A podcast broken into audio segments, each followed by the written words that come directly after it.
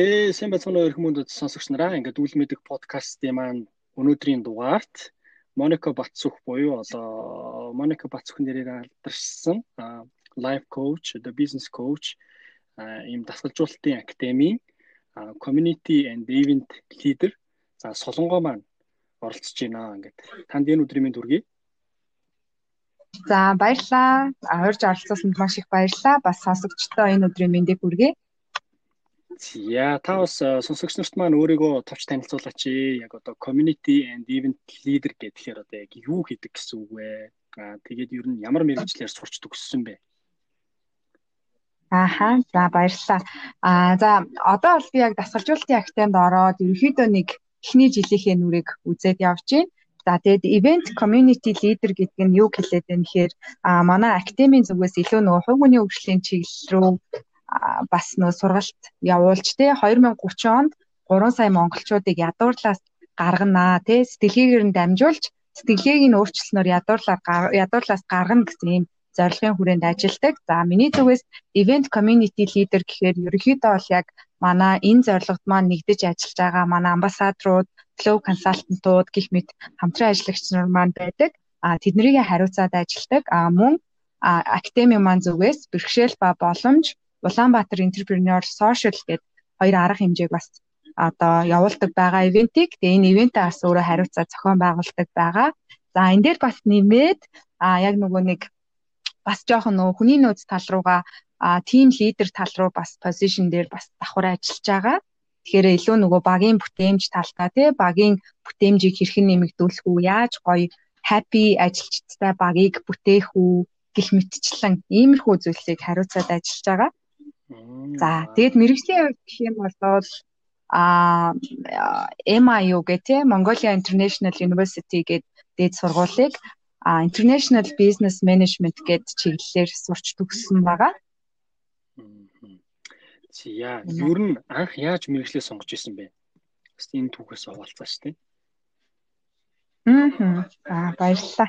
Аа яг мэрэгжил сонголт гэхээр ер нь бол яг одоогийн шиг тухайн үед ийм их мэдээлэл бас байхгүй тий. Тэгэл нэг одоо нэг урсгалаараа явж байгаа л яг үнэндээ сонгоцсон байгаад байгаа байхгүй юу тухайн үедээ. За одоо миний хувьд болохоор жишээ нөгөө нэг ээж маань гадаад байдаг байхгүй юу. Тэгээд ер нь гадагшаал яг явна гэж тухайн үедээ төлөвлөсөн. Тэгэл 10 жилийн төгсөөл нь вайл зүгэл а 5 оноо аваал тий оноо маань арай хүрхгүй. Тэгээ дээрэс нөгөө виз маань гарахгүй ингээд цаг хугацаа алдаад байсан. Тэгээ тухайн үедээ яасан гэхээр нөгөө за MIU чинь ер нь хичээлүүд нь англи хэл дээр явт юм байна. Гадагшаа явтлаа, виз гартлаа. А энэ сургуульд сурж ийгээд тэгээ тухайн үедээ нэг юм дөрвөн чиглэлээр байдаг санагдаад байна. Биотехнологи, а тэгээд одоо дизайн, тэгээд IT, IM буюу миний мэрэгчлээс махгүй юу. Тэгээ нөгөө уншиж байгаа тэр дөрвөөс арай ойрн одоо нэг өсөндөө бизнесийн удирдлага гэсэн үг юм л та. Санагдаад за за энэ нь арай надад ойр юм шиг байна гэд Тиймэрхүү байдлаар сонгоцсон шүү дээ. Сургуулаа. Тийм ба. Зөв зөв. За одоо жишээлбэл яг энэ бизнесийн удирдлага чиглэлээрээ ер нь ингээд өөрийг чинь ингээд хараад хаад маш их юм ирч хүчтэй харагдаад идэг л та. Тэгээд нөгөө нэг ялангуяа маш олон ажлыг одоо залуу ээжтэй байж ич маш олон зүйлийг амжуулаад байгаа нь бас их нөгөө нэг бахархууштай бас нөгөө нэг хүмүүст яаж энийг одоо энэ бүгдийг бас амжуулаад байна тий? Хажуугаар нь өөрийгөө байнга сургаж ийн сурч хөгжиж ийн тэрнийхээ хажуугаар ажиллаж ийн хүүхдээ зохицуулж ийн гэр бүлээ авч явж ч гэдэг юм тий? Ингээд гэр бүлийнхээ хувьд бол ингээд зүгээр нөгөө нэг гэртээ суусангүй тий?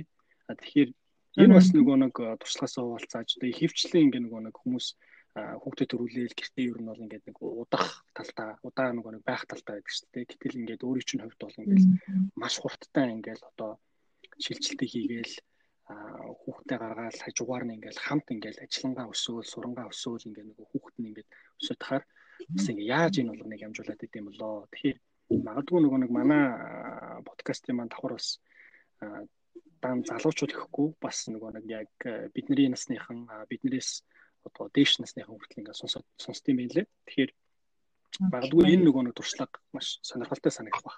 Ээжүүдний хувьд бол тий. Мм. Эсвэл ээж хүмүүсийн хувьд ч гэдэг юм уу тий. Одоо нөгөө нэг анханасаа ингээд ингээд бас нэгүүл зүгээр идэв шүү гэдэг өөрийн чинь зүгээс бас зөвлөвл тий. Яг зөв. За баярлалаа мөги.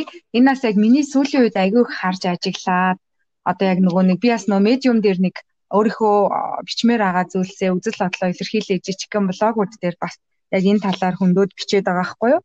За яг хөө миний хувьд болохоор яг одоо би яг одоо нэг 2 жилийн өмнөөс юм уу би яг би юу н яг хин юм бэ гэдэг лүүгээ айгүйх асуугаад байгаа байхгүй өөрөөсөө өөртөө ажиллах тал дээрээ үгүй ер нь энэ өөрийгөө олон молно гэдэг чинь айгүй чухал юм байна штэ гэдэг ямиг айгүй сайн ойлгож аваад ингээд ажиллаад явж байгаа байхгүй юу. Тэгэхээр яг хуу аа би бодоод байгаа юм л та. Яг өөр төр болохоор яг багасаа нөгөө айлын том гээл яг л нөгөө бидний үед чинь ээж аав нар ингээл гадагшаа авчин те.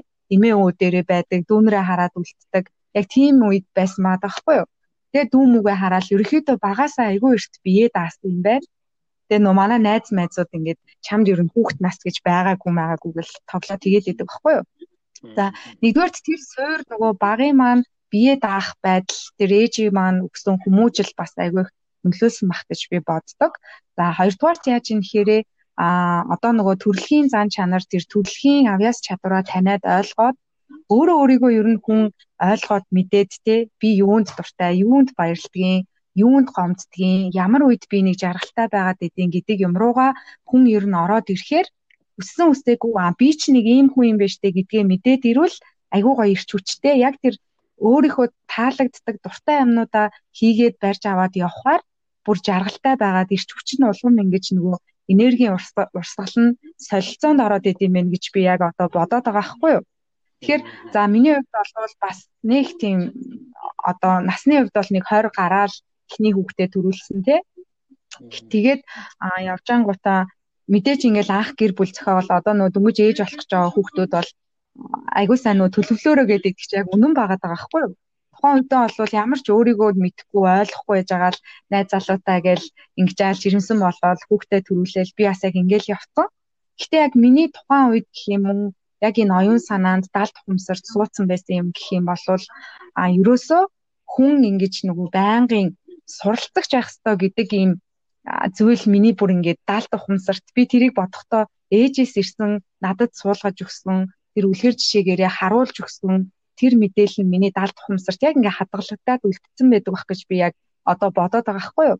Тэгэхээр ямар ч нөхцөл байдал хүний амьдрал ямар байх нь яг хувь хүнээс өөрөөс нь л хамаарна гэдэг нэг тийм зарчим гэх юм уу мэдхгүй заяа надаа яг нэг тийм юм юм байна гэдгээ одоо би яг мэдрээд байгаа хгүй юу. Тэгэхээр би хүүхэдтэй болсон болвол те энэ хүүхэд хүн болгон хүүхэдтэй болж байгаа энэ ч хороогийн жам учраас янз бүр болоод ингээ шалтак тоочоод болохгүй бүтэхгүй гэж бодох тусам хүний тэр үг бодол гэдэг чи яг хүчтэй гэдэг байгаа штэ. Одоо энийг айгүй их ярьдаг болцсон. Энэ өөрөө яг үнэн байгаа даа байхгүй юу? Тэгэд нөгөө нэг а би нэг яг энэ тал дээр хүүхэд ээжийнхээ хөгжихгүй байх шалтгаан биш гэд нэг блог гэх юм уу нийтлэл бичсэн байхгүй юу? Тэгээ тэн дээр ямар үндгийг харуулсан гэхээр ерөнхийдөө а чи хүүхдээ үнэхээр сайн сайхан амьдраасаа аз жаргалтай байгаасаа гэж хүсэж байгаа бол чи эхлээд яг хүүхдээ хүүхдийн хажууд дуртай юмаа хийдэг те аз жаргалтай ээж байж ээж эргээд тийм гоё аз жаргалтай ээжийг харж өсөж байгаа хүүхд болвол хүүе хүн чинь ингэж жаргалтай амьдарч болдсон байх штэ те үгүй дуртай юмаа олоод гэр бүлээ давхар ингээд аваад явж болдсон байх гэдэг нөгөө ойлголтыг авч өсдөг юм байл та. Одоо бид нар ч гэсэн өөрсдийнхөө ээж аавыг бодвол одоо магадгүй бидний ээж аав дийлэнх нь л нөгөө нэг үр хүүхдээ тижээн гэж өглөөнөөс орой хүртэл ажиллаад ирээл айгүй их ядарсан. Тэгэл нөгөө та нарын төлөө би ингэж ажиллаж гин гэдэг ч юм уу те. Ийм байдлаар байгаа ээж аавгаа харж өсөж байгаа хүүхэд ямар болох вэ гэдгийг бид нар зүгээр өөрсдөө л бодчих хэрэгтэй байгаа байхгүй юу? Нэг талаараа нэг болвол за би ээж аавгаа ингэж амар зовоосон юм чинь би одоо сурахгүй бол болохгүй гэдэг нэг тийм зовлонгийн хөшүүргээр амьдрах гэдэг шүү дээ. Аль зүйл жаргалтай байгаа ээж аавгаа харчвал ямар гоё юм бэ ээж аав шиг би ийм гоё сайхан амьдрнаа өөрийнхөө төлөө өөртөө хайртай амьдрах чинь ямар гоё юм гэдэг мессежийг тэр хүүхэд чинь өөрөө авч өсөх гээд байгаа баггүй юу.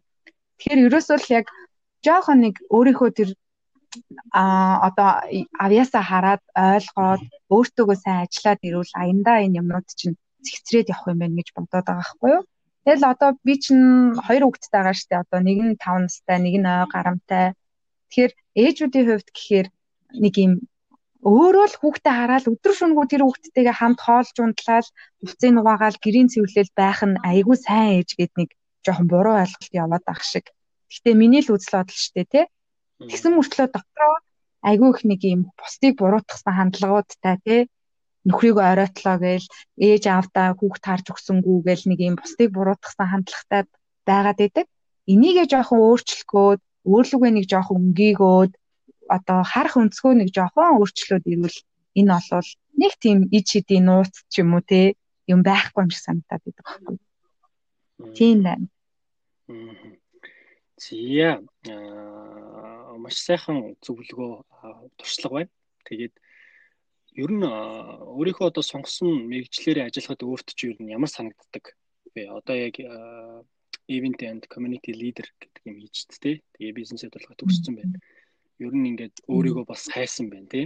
Хайж байгаа за би ийм юм дуртай байна гэсэн байна. Тэгвэл энэ чиглэлээр ингээд ажиллахад өөрт чи ер нь ямар санагддаг вэ? А одоо бол би бүр үнэхээр бүр ингээд сэтгэл хангалуун байгаа. Яг л би энийг хийх ёстой юм байна. Яг л энэ миний ажил юм байна гэдэг нэг тэр одоо тэр өөрийгөө бүтээгээд айгу зүгээр бүтээгээд яваад байгаа мó гэж би нэг өнцгөөс хараад байгаа байхгүй юу. Гэтэ яг бүр ингэж зорж төлөвлөж би тэр одоо мэрэгчлэрээ сураагүй ч гэсэндээ суураа бол айгу зөв тавьсан байна гэж би хараад байгаа байхгүй юу. Тэгэхээр яг нөгөө нэг бизнес удирдлага дотроо а тэрийгээ сурчаад ер нь нөгөө маркетинг хүний нөөц чиглэлтэй би илүү сонирхолтой байсан байхгүй юу одоо нөгөө нэгтлэн мэгтлэнгийн хичээл хийхээсээ илүү яалтчгүй л нэг философи одоо сэтгэл судлалын трийг хичээлээс үздэг нэмэлтээр тэднэр лугаал би ингээд татагдаад идэг гэсэн байхгүй юу. Тухайн үедээ яг би ажиглаж лээсэн л да. Аа ийм чиглэл рүү би дуртай юм байна. За магадгүй миний төрөлхийн авьяас чадвар гэдэг юм нь энэ рүү байх гэдэг юм болов гэж би өөрөөсөө айгүйх асуулт асуудаг байсан байхгүй юу. Тэгэл яг замнал маань одоо нэг тэр өөрийгөө чагнаад авцсан мессежэндээ тулгуурлаад би нөгөө ажлын гараануудаа эхлээд исэн байгаа байхгүй юу.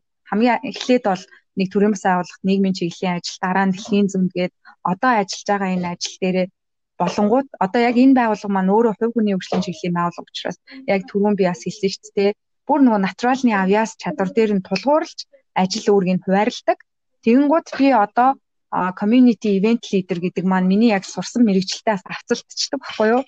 Одоо илүү нөх хүмүүстэйгээ харилцсан. Дээрээс нь ивэнтээ зохион байгуулна гэхэр чинь одоо ивент дээрээ лекц мэгц тавина гэхэр чинь миний нөгөө төрөлхийн ярих чадвартай гэдгээ би өөрөө ойлгоцсон. Тэгэхээр энийгээ илүү сайн хөгжүүлээ явах юм байна.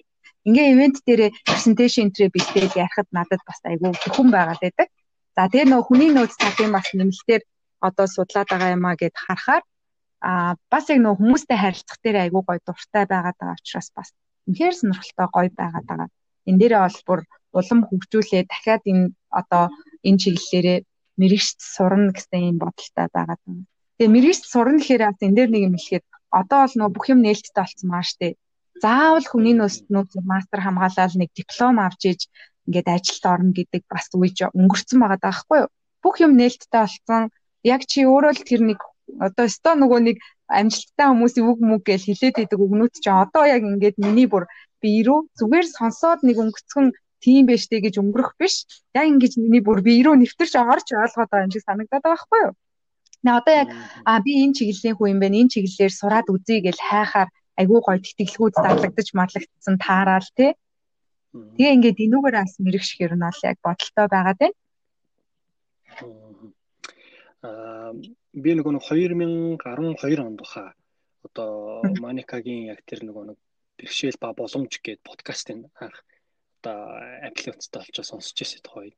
Тэгээл энэ ямар гоё подкаст вэ гэл энэ ямар гоё юм ярдсан бэ? Амьдралын сахалж болгож байд юм байна. Тэргээл амар тухайн үед тэгэж гайхшиж ирсэн баггүй. Тэгээд бүр хайж агаад номыг уншаад тэгээ нөгөө нэг хоёр ном байдаг шүү дээ. Бэрхшээл ба боломж дараа нь мөнгө ба миний үнцэн гэдэг. Тэгээд би хоёуланг нь уншиж ирсэн баггүй.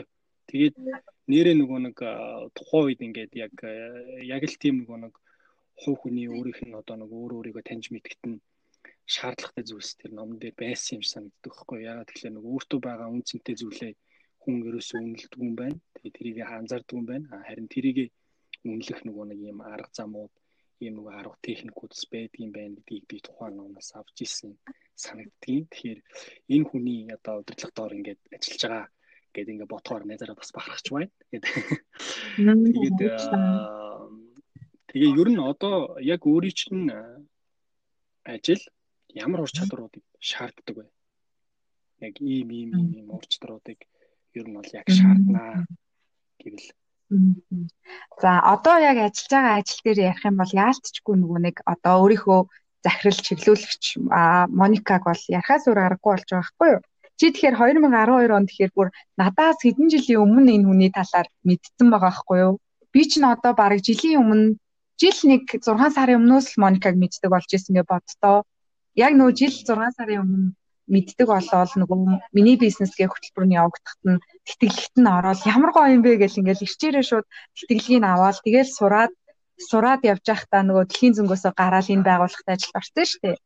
Тэгэхээр а манай одоо энэ Моникагийн чиглүүлж байгаа манай энэ дасгалжуулалтын академийн хувьд болохоор одоо энэ хүний хувьд өөрөө бүр нөгөө нэг 10 хэдэн жил яг энэ коуч гэдгээрээ яваад одоо нөгөө Тони Робинс, Рожер Хамилтон одоо Баян ав ядуу ав номын зохиолч энтрийн хурал мурал юмнуудад нь суугаад хөтөлбөрүүдэд нь хамрагдаад энэ хүний сэтгэлгээ яг одоо Монголд компани удирддаг гэх юм уу байгууллага удирдах явж байгаа хүмүүсийн сэтгэлгээнээс шал өөр санагдаад байгаа хгүй миний хувьд.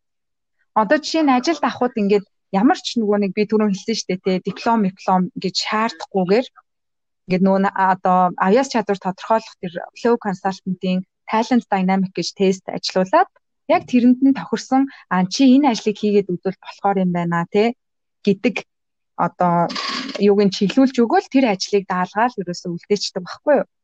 Тэгэхээр энэ дээр болохоор бид нар тэгэхээр яаж юм гэхээр одоо чинь миний хувьд за чи бага ингээ удирдаа чиглүүлээрээ багийнхаа бүтээмжлэлээр ажиллаарай, ивэнтээ энийгээ хариуцаарай гэл чиглэлийн өгч нь тэрийг би яаж хийх нь миний прожект болчдөг байхгүй юу. Тэгэхээр бүр эн чинь хүнийг хөгжих тэр алхмыг бүр хэд дахин хурцгаад өгчдөг гэсэн болчихж байгаа. Тэр хүн өөрөө мэдж байгаа ч гэсэндээ хариултыг надад шууд хэлэхгүй тэрийг би өөр хүнээс асууд сургалдаг юм уу, номноос уншдаг юм уу, эрэл хайгуул хийж агаад одоо олсон мэдээлэлээ Моникад ч юм уу багийнхандаа танилцуулдаг. Тэгээд тэр яг тухайн хүний олсон эрэлхийлсэн мэдээлэл дээр нь тулгуурлаад чиглүүлээл яваад байдаг байхгүй юу? Тэгэхээр одоо миний хувьд мэрэгжлийн ур чадвараас гадна тэр бүтээлч орон зайд ажиллана гэдэг яг ямар гайхамшигтай юм бэ гэдгийг бол яг энэ байгууллагаасаа мэдэрч байгаа. За тэгээд дээрэс нь яг нөгөө багийн уур амьсгал ямар байх ёстой гэдэг дээр нөгөө нэг five dysfunction of team гэдэг ном байдаг. Одоо багт гаргадаг таван алдаа гэдэг энэ таван алдааг бас гарахгүй байх тал дээр би тэгэд одоо одооноос л яг нөгөө байгууллага маань ингээд суурай зөв тавихгүй л хичээгээд явж байгаа учраас илүү одоо яг нөгөө нэг байгууллага одоо шинээр үүсгэн байгуулахад яадаг вүлээ тэр болгон дээр л нөө ур чадваруудаа хөгжүүлэл явж байна л та. Одоо миний хувьд бол илүү нөгөө хүний нөөцийн систем нь ямар байх ёстой юм гэдэг тал дээр нь судлаа, ухаал, сургалтанд хамрагдаал ингээд явж байгаа байхгүй юу. Тэгэхээр яг хуу натуралны яг нөгөө миний одоо жоохон ярих чадвар, юмыг одоо төсөөлөн бодох, томоор жоохон харах чадвар ч юм уу тий. Иймэрхүү чадварууд байдгийн байна гэдгээ би олж мэдээд эднэр дээрээ бүр илүү ингээд ажиллаад ирж байгаа гэсэн үг. Тэгэхээр болвол яг энэ манай байгууллагын соёлоос шалтгаалаад миний энэ одоо натуралны гэдэг байгаа чадваруудыг өсгөх хурд нь бол амар өндөр болчихж байгаа. Тэгвэл би маш их баяртай байдаг. За аа магадгүй одоо нөгөө нэг ингэж бодож иж магадгүй те нөгөө хүмүүс за магадгүй одоо яг сургууль сурах гэж байгаа ч юм энэ чиглэлээр сурах гэж байгаа ч юм уу эсвэл одоо дөнгөж ажил дээр гарангуудаа за би нэг энэ чиглэлээр ингээд ажиллах юмсан ингээд ингээд бодож байгаа. Эсвэл одоо яг ажиллаж байгаад за би арай өөр нөгөө нэг чиглэлд ингээд ийм сонирхолтой байна гэдэг нөгөө өөршөх чинь тий.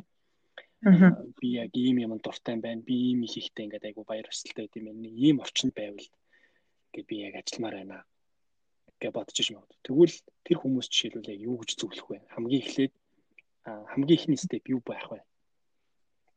За одоо энэ дээр бас айгүй гоё асуулт байна баярлалаа. Мөгээ тэгээд а энэ дээр болохоор би ингэж хараад байгаа байхгүй юу. Одоо би ч гэсэн яг тийм байсан заяа урд нь. Одоо нөгөө заавал нэг талаараа чи янз бүрийн юм оролдож үзээ тэндээсээ бас а энэ чиглэлээр явбал гоё юм байна гэд туршаад үзсэн байгаа бол баяр хүргэе те.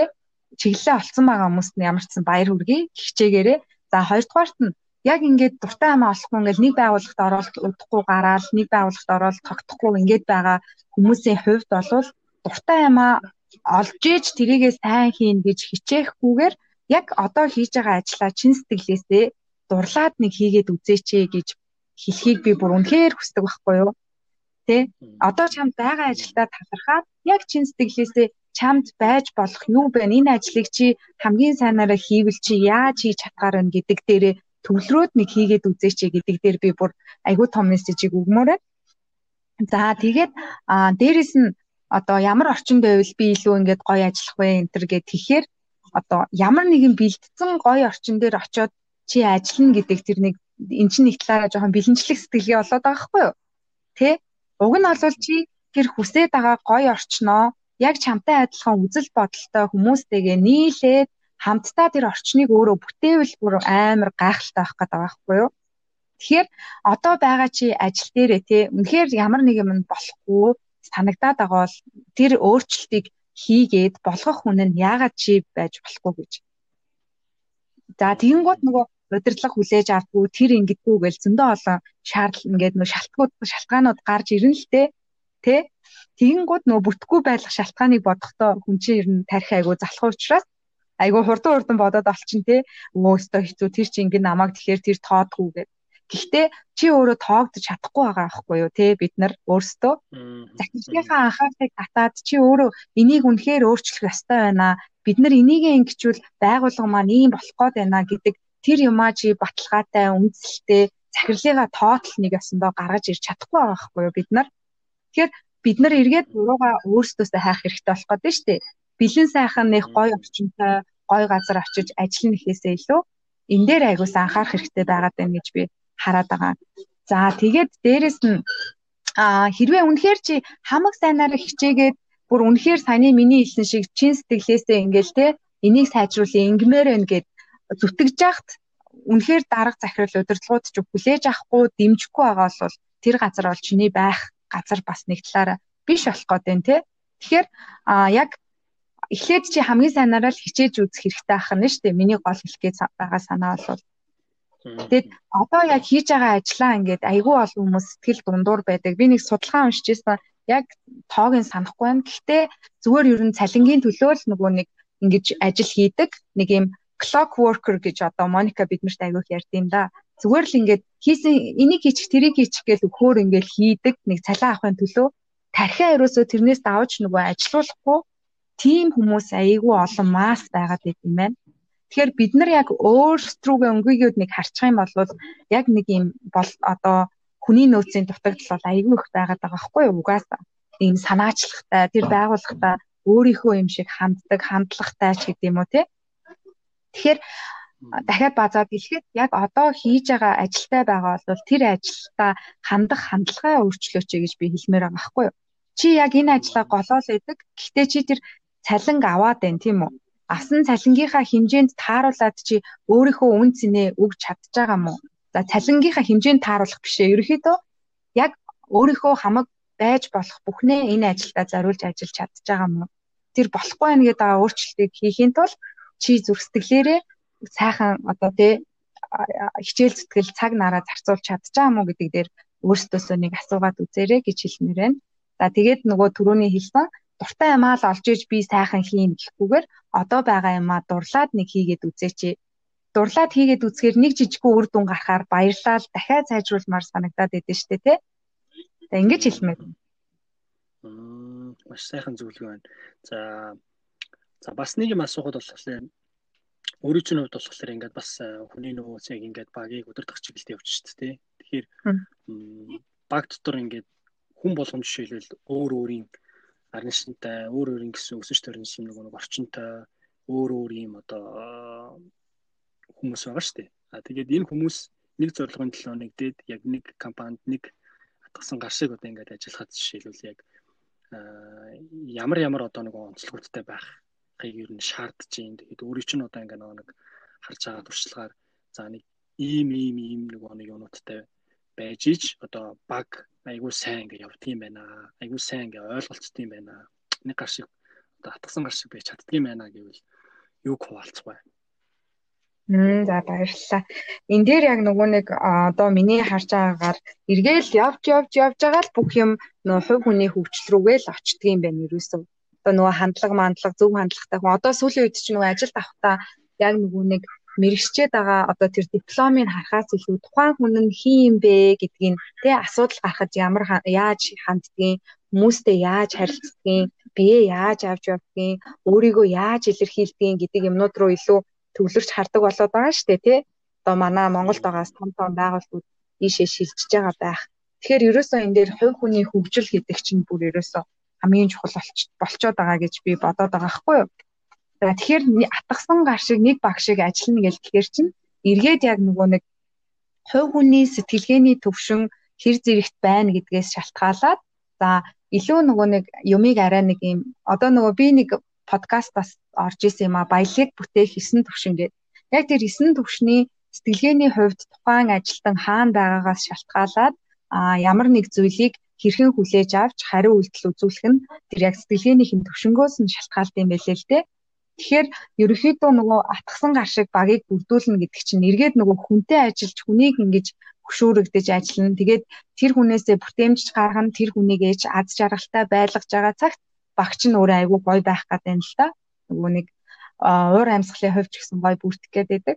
Тэгэнгүүт яг тэр сэтгэлгээний төвшин бол айгүй чухал байгаа даа. Тэгэхээр нөгөө нэг одоо хүний нөөцийн чиглэлээргээ харж байхад нөгөө тухайн байгууллагын үнц нь ямар байна гэдгээс шалтгаалаад бүрдүүлэлт хийхэд ч гэсэн тий ямар нэг ажлын байрны зар тавигдаад тухайн байгууллагт анкета өгж байгаа хүмүүсийн чанараас шалтгаалаад тухайн байгууллагын үн цэнийг одоо тодорч гарч ирд юм байна л та. Одоо нэлээд сайн хүмүүс танай байгууллагт анкета явуулаад байвал танай байгууллага нэлээд үн цэнтэй байгууллага байна. Хүмүүс айгу өндрөөр үнэлдэг байгууллага байна гэдэг үнэлгээтэй ах жишээний. Бүр эндээсээ хэлэх юм болов гэж би бодоод байгаа хгүй одоо хараад хахад. За тэгээ хүнээ сонгоод авчлаа. За нэгэнт зөв хүнч магадгүй авсан байж болно, буруу хүнч авсан байж болно. Гэхдээ манай байгууллагын хувьд бол одоо түрүүн хамгийн анх дурдчихсэн ш нөгөө five dysfunction of team гэдэг яг нэг юм таван зүйлийг зүйл дээр одоо зүйлийн алдааг гаргахгүй байх тал дээр ер нь нэлээд тулж ажиллаад байгаа байхгүй юу? За тэр тавыг нэрлэлчгүй те цаг нь арай урт болчихгүй байггүй. Тэг тэг. Зүгээр зүгээр. За нэгдүгüрт нь болохоор нөгөө absence of trust буюу нөгөө ихтгэлцэл байхгүй байх гэж байгаа байхгүй юу? За ихтгэлцэл байхгүй байх гэдэг нь нөгөө dysfunction-ийн нэг болох гэдэг нь шүү дээ энэ нэг ойлгомжтой юм шиг хэрнээ. Одоо жишээ нөгөө яахаар баг буруудаад байна гэхээр нөгөө уур амьсгал атгсан гар шиг биш байх гэдэг нь гэхээр хамгийн нэгдүгээрт энэ орд юм байна л та. Тэгэхээр багийн гişүүд ерөөсөө нөгөө бие биендээ сул дорой харагдахгүй гэл хичээгээл те. Нэг нэгэндээ итгэхгүй тусламжч гуй чадахгүй энийг найзаа ингэж өгөөч гэдэг нэг тийм эрүүл харилцаа айгуу дутмаг байгаад ирэхээрээ одоо атгсан гар шиг байж чадахгүй байх нь эсэргээрээ. Нэг нэгэндээ яг итгэдэг би одоо жишээ нь эн чинь эргээд нөгөө нэг одоо 13 эго маск гэж би тэд ярьдیں۔ да. Хин намайг юу гэж хэлэх бол гэж бодохгүй ч юм уу те. Нэг юм эрүүл харилцаа байх гэдэг байхгүй юу? Тэгжээж энэ ихтгэлцэл гэдэг юм байд юм байна. За тэгээ ихтгэлцэл бол хамгийн суурна гэж авч үзээд байгаа. За тэгээ нөгөө fear of conflict буюу зөрчилтөө үүсгээс айдаг баг болвол чиний асууж байгаа шиг тийм атгсан гар мар шиг байж чаддгүй юм байна л да. Яагаад тэгэхээр бид нар нөгөө зөрчилтөө үүсгээс айна гэдэг нь зүгээр ховж ив хөөцөлтөө тэрнээс айгаад байгаа хэрэг биш. Яаж юм гэхээр одоо ажил хийж явах явцад үйл явц донд заавал бэрхшээл янз бүрийн асуудлууд гарч ирнэ штэ хэрэглэгч гомдол мэдүүлнэ систем янз бүрийн юм нь ажиллахаа болол унана энэ бэрхшээлүүдийг шийдээд илүү сайжруулад явахын тулд яах вэ гэдэг дээр одоо нөгөө натуралны авьяас чадвараас шалтгаалаад хүн болгон өөр өөр өнцгөөс харна штэ За эн чинь энэ дээрээ сайжруулмаар байна гингүүт нөгөө нэг өөр төрлийн хүн үгүй чи буруу яриад байна. Эн чинь сайн энэ талаас нь хармаар байна гэдэг ийм эрүүл зөрчилдөөнийг хилээд байгаа байхгүй юу? Ийм зөрчилдөөнийг бол багт байхад бол нөгөө нэг яг зөв гэж үздэг болох гэдэг. Тэгээ энэний үр дүнд яг багийнхаа бүх гишүүдийг сонссон ийм шийдвэрийг гаргана гэсэн үг бахан тий. Атгсан гар шиг баг байх. За 3 дугаарт нь lack of commitment гэдэг байгаа байхгүй юу? За ерөөхдөө нөгөө ач холбогдолгүй байх мах гэдгээр ойлгоод орчуулчихад байгаа. За тэгээд тэн дээр яаж юм гэхээр энэ дээр бүр айгүй том юм нь юу гэдэг үг гэхээр а ач холбогдохгүй байх гэж юу хэлээд байна гэхээр нөгөө ажилтан болгон ч багийн зорилгоо том зорилгоо айгүй сайн харж ах хэрэгтэй байна л та хамгийн гол зүйл. Тэгэхээр тухайн одоо маркетингийн хилцээлээ гэхэд хүний нөөцийн хилцээсээ гарч байгаа одоо янз бүрийн өөрчлөлт шийдвэр юмнуудыг мэдчих хэрэгтэй юм байна. За тэгээд дээрэс нь яадаг вэ гэхээр нөгөө а одоо өөрт нь таалагдахгүй болохгүй байгаа зүйлээ ямар нэг байдлаар нөө илэрхийлдэг түрүүний ихтгэлтэй ойролцоо тий ийм зүйлүүд байх хэрэгтэй байх нь ач холбогдол өгнө гэхээр. За дараагийнх нь яаж юм гэхээр хариуцлагаас зүхтаах буюу хариуцлага үнэхээр хүн бол хүнчийн үнэнчээр хүлээж чаддаг байх юм бол энэ баг атгсан гар шиг байх бас дөрөвдөх том хүчин зүйл гэж үзэж байгаа байхгүй юу? Тэгэхээр хариуцлага одоо нөгөө ингээл нэг юм буруу хийчихвээ гэхээс зарим нь айгаад нэг шийдвэр гаргадгүй ч ажилчид байдаг тий. Байгууллага болгонд янз бүр өгдөө штэ. Зарим нь бол шударгаар ингээд одоо гаргасан алдаагаа өөрөө би ингэсэн юм а би алдаагаа яа гэдэг ажилчид байдаг. Тэгэхээр яг энэ одоо ямар нэг ажлыг бие даагаад эзэн нь олоод хийсэн бол тухайн хариуцлагаас өөрөө үрж явах ёстой шүү гэдгийг гэдэг соёлыг бидэд бас суулгах гад ингээ үзээд байгаа. За тэгээд үр дүндээ анхаарлаа хандуулахгүй байх гэж байгаа байхгүй? Тэгэхээр энэ дээр яаж юм гэхээр багаараа ажиллах үр дүн нь хамгийн чухал байх хэрэгтэй юм байна л та. Энийг баг дотор айгүй сайн ойлгох хэрэгтэй юм. Тэгхгүйгээр одоо жишээ нь чи сакс сакс за нэг саксны тэмцээнд орлоо. А багийн тамирчин гэж чи өөрийгөө бодъё заяа. За тэгсэн чинь Б багтаа тоглоод уг нь бол чи бит хоёрын зорилго чинь багаараа А баг нийлээд Б багийг хочих хэрэгтэй байдаг шүү дээ. Гэтэл зарим ажилтнууд яадаг үг гэхээр би даасан тоглолт хийгээд за баг дотроо шилдэг нь байвал баг нь хожигдсон ч юуроос хамаагүй юм шиг аашлаад байт юм байна л та. Тэгэхээр нөгөө нэг хитрхи хувь хүний би би би л мундаг байвал би л чадчихвал гэдэг эго нэгсчгээрээ нөгөө баг амжилтанд хүртгүү. Тэр хүний хувьд бол одоо хувийн ачист ингэж нөгөө муухагаар ярьдэн штэ тий. Тим ажилтны ёс зүй юм уу байр байдал бас ажиглагдвал дор дор нь энэ юмнуудаа цэвэрлээд явах хэрэгтэй ахна. За тэгэд энэ таван юмыг бол одоо яг үр дүндээ анхаарлаа хандуулдаг багийн шинж юу юм, хандуулдаггүй багийн шинж юу юм гэж бүр ингэж тодорхой нарийн судалж агаад хоорондоо бид одоо нөгөө тренинг айгу хийдэг байгаа. За дээрэс нь энэ дээр нэмээд одоо яг а хаанаас нь 13 төрлийн эго маск гэдэг YouTube дээр ч гэсэн бичлэг байгаа Моника юм. Тэгэхээр тэр 13 төрлийн эго маскыг хэдүүлээ гаргахгүй шүү. Энэ тав дээр нэмээд тэр эго маскнууд байхгүй болвол энэ тавыгаа бүр дэмжиж гоё стон зорилгынхаа төлөө ийм гоё баг байна гэдэг дээр бид нар бүр хатуу дор бүрнээ анхаардаг. За тэгэл нэг юм энэ нь ингэчгүй гэл ингээл бодогдоол тэрийгэ хэлж чадахгүй дотроо яваад байвал за одоо нөгөө бус хүмүүс намайг юу гэж хэлэх гэж байгаа бол гэдэг эго хөдлөхөө дээ шүү зүгээр өөрийгөө зүгээр илэрхийлье шүү гэдэг нэг тийм юм бидний дунд байдаг. За тэгээ би шударгаар бодлоо илэрхийлжлээ гэхэд тэр хүн ингээл гомдоол, ингээл тунж мунаал, тийм юм үүсэхгүй шүү гэдэг дээр айгүй их ингэж сануулж тренинг бид нараас хийдэг байгаа. Тийм. Гэтэ бол амархан, тийм амархан бас биш юм байна. Баг багаар л энэ чинь ингэж нөгөө сайжирдаг процесс юм байна гэдэг дээр л би одоо ерөнхийдөө ажиглал байна л та. Аргагүй хэл та тийм нөгөө нэг одоо бид нар чинь ингээл нөгөө нэг юун дуртайгаа мэдэхгүй байж байгаа л нэг мэрэгжил сонгоол ажиллаад тэгэл айгу олон хит хитэн газруудад ингээл ажиллаад үзэнгүүд ингээл уур амьсгал хондоо тэгэл нөгөө нэг алдаа гаргаж болохгүй шүү гэдэг юм ялангуяа айгу багаас ингээд суудсан юм шиг санагдаад байхгүй юу? Алдаа гаргангууд ингээ нэг нуух хөстэй очим шиг тий нөгөөтхөө ингээ нөгөө хүлэмжшүүрч чадахгүй тий гэтэл нөгөө нэг хүлэмжшөөрөөд а одоо нөгөө нэг тэгээд байна шүү дээ. Z generation-тэй хэрвээ ажлыг ивэл буруугаа нөгөө нэг хүлээж сураад харин энэ яаж хийх ёстой юм бэ гэдгийг нөгөө нэг асуугаад тэгээ нөгөө нэг хамт нөгөө нэг тэрнээсээ нөгөө нэг тэр хүнээсээ сурах тэгээд хамтдаа хөгжиж хөгжиж нөгөө нэг энэ 90 100-д явна гэдэг шүү дээ. Тэгэхгүй болохоор алдсан ч гэсэндээ нөгөө нэг за би нөгөө нэг алдаагаа мэддэгдүүлэхгүй шүү гэдэг ингээ гүрийгээд идэх шүү дээ. Тийм. Үүштэй нөгөө өөрийгөө хамгаалаад иж болохгүй шүү гэх. Тэгэхээр энэ айгүй нөгөө нэг гоё чухал нөгөө нэг поинтуудыг бас хэллээ гэж би бол бодож байна. Тэгээд залуучуудад маань ялангуяа маш хэрэгтэй байхаа. Тэгээд ялангуяа бидний одоо нөгөө нэг насны залуучууд биднээс дээш үеийнхэн ч гэсэндээ маш хэрэгтэй зөвлөмж байна. Яагаад гэвэл өмнө нөгөө нэг ийм юунд ажиллаж исэн бол уучлаарай одоо энэ сэтгэлийг бас ингээ хаалх цаг ингээ болж шүү. Тэгэхгүй бол ингээ нөгөө нэг өөрөө өөрийгөө байнга л нөгөө хөгжлөөс татаад байна гэсэн үг юм шүү те. Тийм яг үнэ. Тэгээд эргээд тэр нь аа за.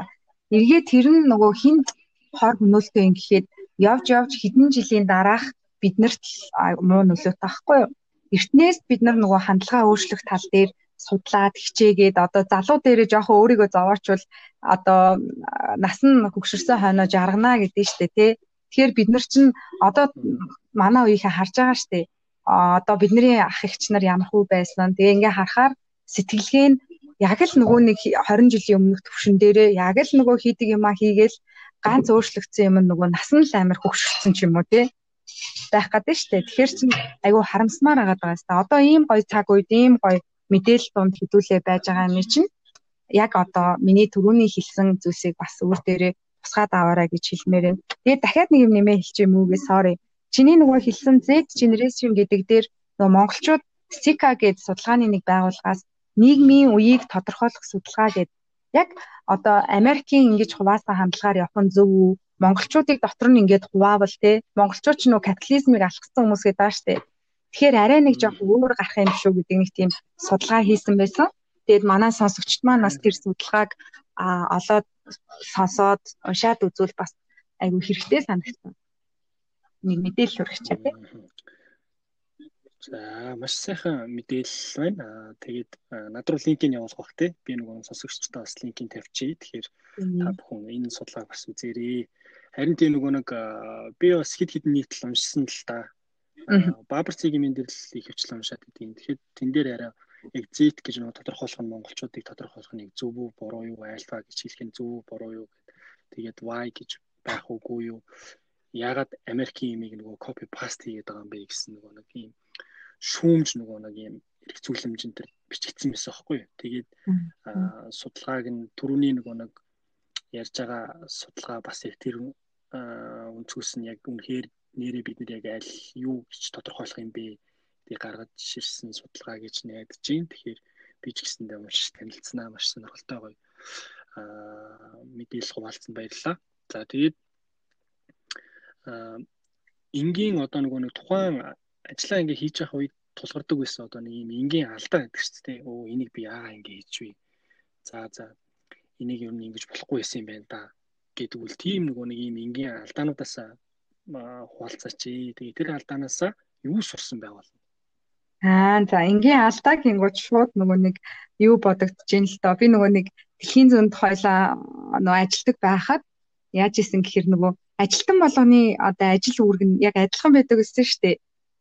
Тэгэд миний болохоор хамгийн хүндрэлтэй санагддаг юм тухайн үед ингээл нөгөө өрхүүдийнхээ мэдээллийг ингэж нөө хүснэгтэнд шивэл анализ хийгээл судалгаануудыг шивэл ингэх надад бүр бүр цаанаас айгүй хэцүү байгаад байхгүй бүр би бүр тэгээ аалтчгүй надад тэр хэцүү хийхэд би бүр хамаг энерги ингэж барж шавхаж стресстэж хийдэг байсан байхгүй юу? Яагаад ийм хийлгэдэг байна? Хинд хэрэгтэй байдаг байна гэж өөр ингэ дууга трийгээ хийхгүй. Би одоо ингэ эргээд яг үүнийг ойлгоо ингэ бодсон чинь миний хамгийн одоо сул надад байдгүй нөгөө detail oriented буюу жижиг шажиг юмнууд дээр ингэж айгүй гоё анализ дата одоо дата цуглуулад анализ дүгнэлт хийх ингэж юм шивж ингэж яг сууж муух чинь төрөлхийн надад байдгүй чанар байсан байгаа байхгүй юу. Угаасаа би тэрэнд одоо натуралны миний энерги тэр зүгийн хүн биш байсан байгаа байхгүй юу. Тэгэхээр тийм юм хийхээр би энерги алдаад стресстэд жинхэнэ чиний асуугаад байгаа алдаа малдаа гарах магадлал айгүй өндөр. Нөө нэг тоол буруу хийжүүл нөө судалгаач нь буруу муруу гарах гад ч юм уу те. Тэр нь надад айгүй хэцүү байгаад идэг ус байхгүй юу. Тэгин гут би нэрээ энэ дээр л өстой хэцүү юм а гэл тэрийг амар толгойн өвчин болцсон миний бичиг цаас ингээл зихцлээл нэмглээл янзлах манзлах дээр бүр надаа хамгийн хэцүү байгаад байхгүй юу. Тэгээд яг нөгөө нэг энэ дээр дахиад эргээд нөгөө нэг өөрийнхөө натуралны одоо давуу талаа ойлгоод тэрэн дээрээ тулгуурласан ажлаа бас хийгээд ингээд ирэнгүүт а одоо нэг энгийн алдаа гэдэг юм гайгүй. Яг мэдээж гарна л та аа за ивент дээр нэг юм танилцуулж явахдаа за би энэ үгийг буруу ашиглаж одоо тэр үгийг оронд нь хэрэгэлцдэг байж за би жоохон сул үг ашиглаад байгаа юм байна. Энэ дээрээ ингийн ч юм уу те одоо ивентийн нэг жишээ шүү дээ за тэгээ багийн бүтээмж тал руугаа болохоор за энэ хүнд энэ ажил нь арай тохирохгүй тохирохгүй байгаад байна уу? Энийг ингээд үзүүл яах бол гэл инхээр бас тохирохгүй байх ч юм уу те гэтээ тэр нь бол надад тэр нөгөө хүснэгттэй ажилтдаг шиг тийм амар стресс төрүүлэхгүй айгу байдаг байхгүй аа за басчиж зүгээр ингээл аа за ингээд үзээ тэгээд үзээ ингэчүүл болох юм байна ингүүл болохгүй байсан юм биш үү гэдэг юм аа суралцаал явцдаг гэсэн. За тэгвэл ажиллаж явах үедээ хэрэгжүүлсэн сайн туршлага гэвэл ямар сайн туршлага хуваалцах вэ? Аа одоо ажил дээрээ юу те? Ерөнхийдөө ажил дээр Мм за за ажил дээр. За сайн туршлага гэх юм бол дахиад түрүүний миний ярьсан юмтай л уялдах гад байна л да. Сайн туршлагыг хэрэгжүүлсэн гэхээр а нөгөө нэг манай одоо Моника чиглүүлэгч манай захирал одоо яг хүмүүсийн нөгөө бүтээлч сэтгэх орон зайг бүгдүүлж өгснөөр яаж юм гэхээр би өөрөө одоо яг тэр хүний зүгээс юу гэж хардаг вэ гэхээр чиний өгцөн байгаа эрх мэдлийнхээ хүрээнд чи яг нөгөө тоглогч төвшөнд ажил сурах хэрэгтэй гэдэг ямиг байнга чиглүүлж өгдөг байхгүй юу? Тэгэхээр яадаг уу гэхээр за одоо би чинь ивэнтээ хариуцаад зохион байгуулад явнаа. Гэхдээ нэг энэ хүрээнд бэрхшээл ба боломж номны агуулгын хүрээнд ингээ явна шүү гэсэн ерөхий чиглэл байгаа шүү дээ. Тэр хүрээндээ за зочноо хэнийг хэнийг оролцуулах уу би мэднэ. Хугацаа нь ямар байх вэ би өөрөө төлөвлөнө. Тэн дээр тэр ивент дээр юу ярих уу би өөрөө мэднэ. За тэр ивентийн зараа хаагур яаж хүргэж юмнуудаа хийх үү гэдэг жижигхэн ийм прожект чиг юм байгаа хгүй тий. Тэрийгээ би яг өөрөө хариуцаад за буруу жоохон алдаа дутагдал гаргасан юмныхаа хариуцлагыг өөрөө үрээд ингээд явдаг. За тэгэхээр нөгөө нэг сайн туршлага гэхээр ерөөсөө тэр өөртөө хариуцж байгаа би ажлуудаа яг өөрийн төсөл юм шиг угаасаа л миний төсөл штэ тий. Тэгэхээр яг илүү эзэн нь байж харж тэр ажлыг хийж сурж байгаагаараа миний хувьд бүр үнэхээр сайн туршлага байгаа. Тэрнээс одоо ихэнх байгууллагт оронгууд ингээл нөгөө хийх ажил нь тав тодорхой тий нөгөө clock worker гэж яриад байгаа шиг л одоо миний өмнөх туршлагалт юм байгаа байхгүй. Энэ энийг ингэж хийн тэднээс өмнө ингэж хийн гэсэн бүх бэлэн төлөвлөгөө дээр бид нэр ажиллаад яваад идэв шүү дээ тий. Тэгэхгүй одоо энд болвол яадаг үг гэхээр миний хувьд ойлгосон зүйл бол тухайн нэг ажлыг тухайн ажилтнаа даалгаж байгаа бол яг тэр төсөл тэр хариуцсан ажил дээрээ тоглогч байх эрхийн тэр хүнд өгчих юм бол илүү бүр бүтээлч магадгүй бидний төсөөлөөгүй үр дүнгууд гарч ирдэг юм байна гэдэг одоо туршлагыг гэх юм уу да ойлгож аваад явж ин да. Аа энэтэй саяны нөгөө нэг ясантай ч холбоотой нэг асуулт байна л да. Энэ юу гэхлээр аа clock worker гэдэг байна шүү дээ. Тийм нөхөр нэг нөхөр байлаа. Тэгсэн чинь гинт нөгөө нэг яг тийм тогтмол нөгөө нэг ажил нь ингээл окей гэрийн дууслаа гарлаа тий нэг өөр цоо шин байгуулалт орлоо тэр бүр ингээд цоо шинээр ингээд үүсэн байгуулагдаад тухайн албан тушаалын хүртэл ингээд нөгөө нэг өөрөө тэр албан тушаалаа ийм ийм нөгөө нэг үүрэг үүрэгтэй байна ийм одоо нөгөө нэг ажлын юутай байна гэдээ ингээд өөрөө гаргаж байгаа гэж үзвэл ер нь бол ингээд шинээр эхэлж байгаа гэсэн үг шүү дээ. Өөрөө нөгөө нэг бүх нөгөө нэг юма бичиж түүхий бичиж эхэлж байгаа гэсэн. Тэгэхээр магадгүй одоо нөгөө нэг яг юм clock worker хийдэг байсан нөхөр яг ингээд шинэ юм байгууллагад ороод ирсэн чинь ингээд пайрганд орно шүү дээ тий. Юу үлээ яах үлээ би юу хийх үлээ тэр юу хийх үлээ гэж тий. Аа нөгөө шууд ингээд зурцсан юм юм ерөөсөө юм бэлэн байхгүй гэсэн үг тий. Соёлыг бүр шинээр нөгөө нэг бий болгоно гэсэн үг. Тэгэхээр магадгүй яг одоо тийм хүмүүс гинт ингээд шилжилт хийгээд хэрвээ орвол яг юунд бэлэн байх хэвээр вэ? Тэгээд яг юунаас одоо нөгөө нэг эхлэх хэвээр байдаг вэ? Аа. Ажлаа. Ааха. За энэ дээр болохоор ерөөхдөө миний жишээтэй бас жоохон төстэй болох гээд байна л да. Гэхдээ яг өмнөх газараа бол бүр өчргүү ингээл юм дахин ажилуулахгүй хэмжээнд биш ч гэсэндээ яг л нөгөө нэг явагдах хэвээр үүрэг даалгаврын дагуу ингээл явдаг байсан шүү дээ тий. Тэгэхээр анх бол би бас яг орж ирчээд бүр ингээд яг миний хийх ажлыг өгөх ёстой гэж би хүлээгээд идэв гэсэн аахгүй юу. Хүн ер нь нөгөө нэг яг нэг юм юм тухлаг бүсэндээ гэх юм уу нэг юм юмдаа дасахтай аюу амархан юм билээ дээ. Би эхний ямар ч сан 4 сар бол яг тийм тийм 4 сар бол яг тийм паникнд ороод явсан аахгүй юу. Ингээд юу хийх нь ингээд чи энэ энийг хийчээрэй гэл нөгөө нэг Моника хичээн айгүй юм бүтээлч одоо шинэ айдиагаар дүүрэн айгүй хурдтай хүн байхгүй өөрөө Тэгэл ингээл энэ энэ ийм юм байна, ийм юм байна, энийг ч байгууллагадаа юм байна, энийг судлаад үзээрэй гэл ингэн. Тэгээ би бүр яг яах гэж байгаа вэ гэд нэг хэсэг бол үнэхээр жоохон манарч явсан. Гэхдээ яг юу намайг одоо ингээд одоо одоо хүртэл энд ажиллаад цаашдаа ч гэсэн зөндөө гой зүйлсийг хийх гээд хараад догтлоод явж байгаа юм гэхээр ерөөсөө яг энэ байгууллагын маань хийгээд байгаа зорилго нь миний яг бодоод идэг тэр хувь хүний маань үнц нь алсын хараа энэ байгууллагын маань зорилго алсын хараатай яг нэгдсэн байгаад байгаа учраас энэ маань намайг ингээд тогтоогоод бариад ийн гэж би боддог байхгүй юу. Одоо бол яг энэ орчиндөө тасчаар Одоо бол би тэгж яг тийм инктик гэсэн тийм газар бол угаасаа ажиллаж чадахгүй болчихж байгаа байхгүй юу? Тэр нь тэгж ажиллах одоо ингэж бүтээлчээр ажиллах хоёрыг ингэж ажиллах нь хувь хүнийг бүр үнэхээр айгүй хурдтай хөгжүүлэх юм байна гэдгийг би өөрөө ойлгочихж байгаа учраас тэгэхээр түрүүний миний хэлээд байгаа тэр одоо би жишээ нь ингээд айгүй одоо өнгөрсөн ажлын туршлагаасаа ажигласан юмнасаа харахаар хүмүүсийн сэтгэлгээг л өөрчлөх хэрэгтэй байна. Хүн өөрөө л өөрчлөгдөж нийгэм гэр бүлийн бүх асуудлууд аяндаа зэгцрэх хэрэгтэй байна гэдэг байр суурин дээр би яг өөрөө одоо зогссон хүн байгаад байгаа байхгүй юу? Тэнгүүд манай байгууллагын алтын хараа чинь түрүү хэлсэн шүү дээ 2030 он гэхэд 3 сая монголчуудыг сэтгэлгээгээр нь дамжуулж ядуурлаас гаргана гэд. Айгүй том тэр зорилго намайг одоо энд байхад нөлөөлөд байгаа гэсэн үг болох гээд байгаа байхгүй юу. За тэгээ давхар би одоо миний бизнес гээд хөтөлбөртөө ментор хийгээд сая ерөөхдөө дуусж байна л та. Тэгээ ингээ явж явах тэр маань улам ингээд батлагдаад идэг те хүмүүстэй ажиллахаар үе хүмүүст ингэж хүмүүсийг сонсох хэрэгтэй хүмүүсийг одоо хувь хүний хөгжил гэдэг хэрэгцээ ямар их байгаа юм бэ гэдг нь нотлогдох тусам би бүр энэ байгууллагт хийж бүтээх зүйл асар их байгаа мэн гэдэг нэг тийм өдөөгддөг юм байгаад байгаа байхгүй юу? Айгу сонин нэг юм одоо нэг сонин далдын энерги шиг ч гэх юм уу те бүр гүнзгийр гэж яриад тэрэндээ тулгуурлал авдаг.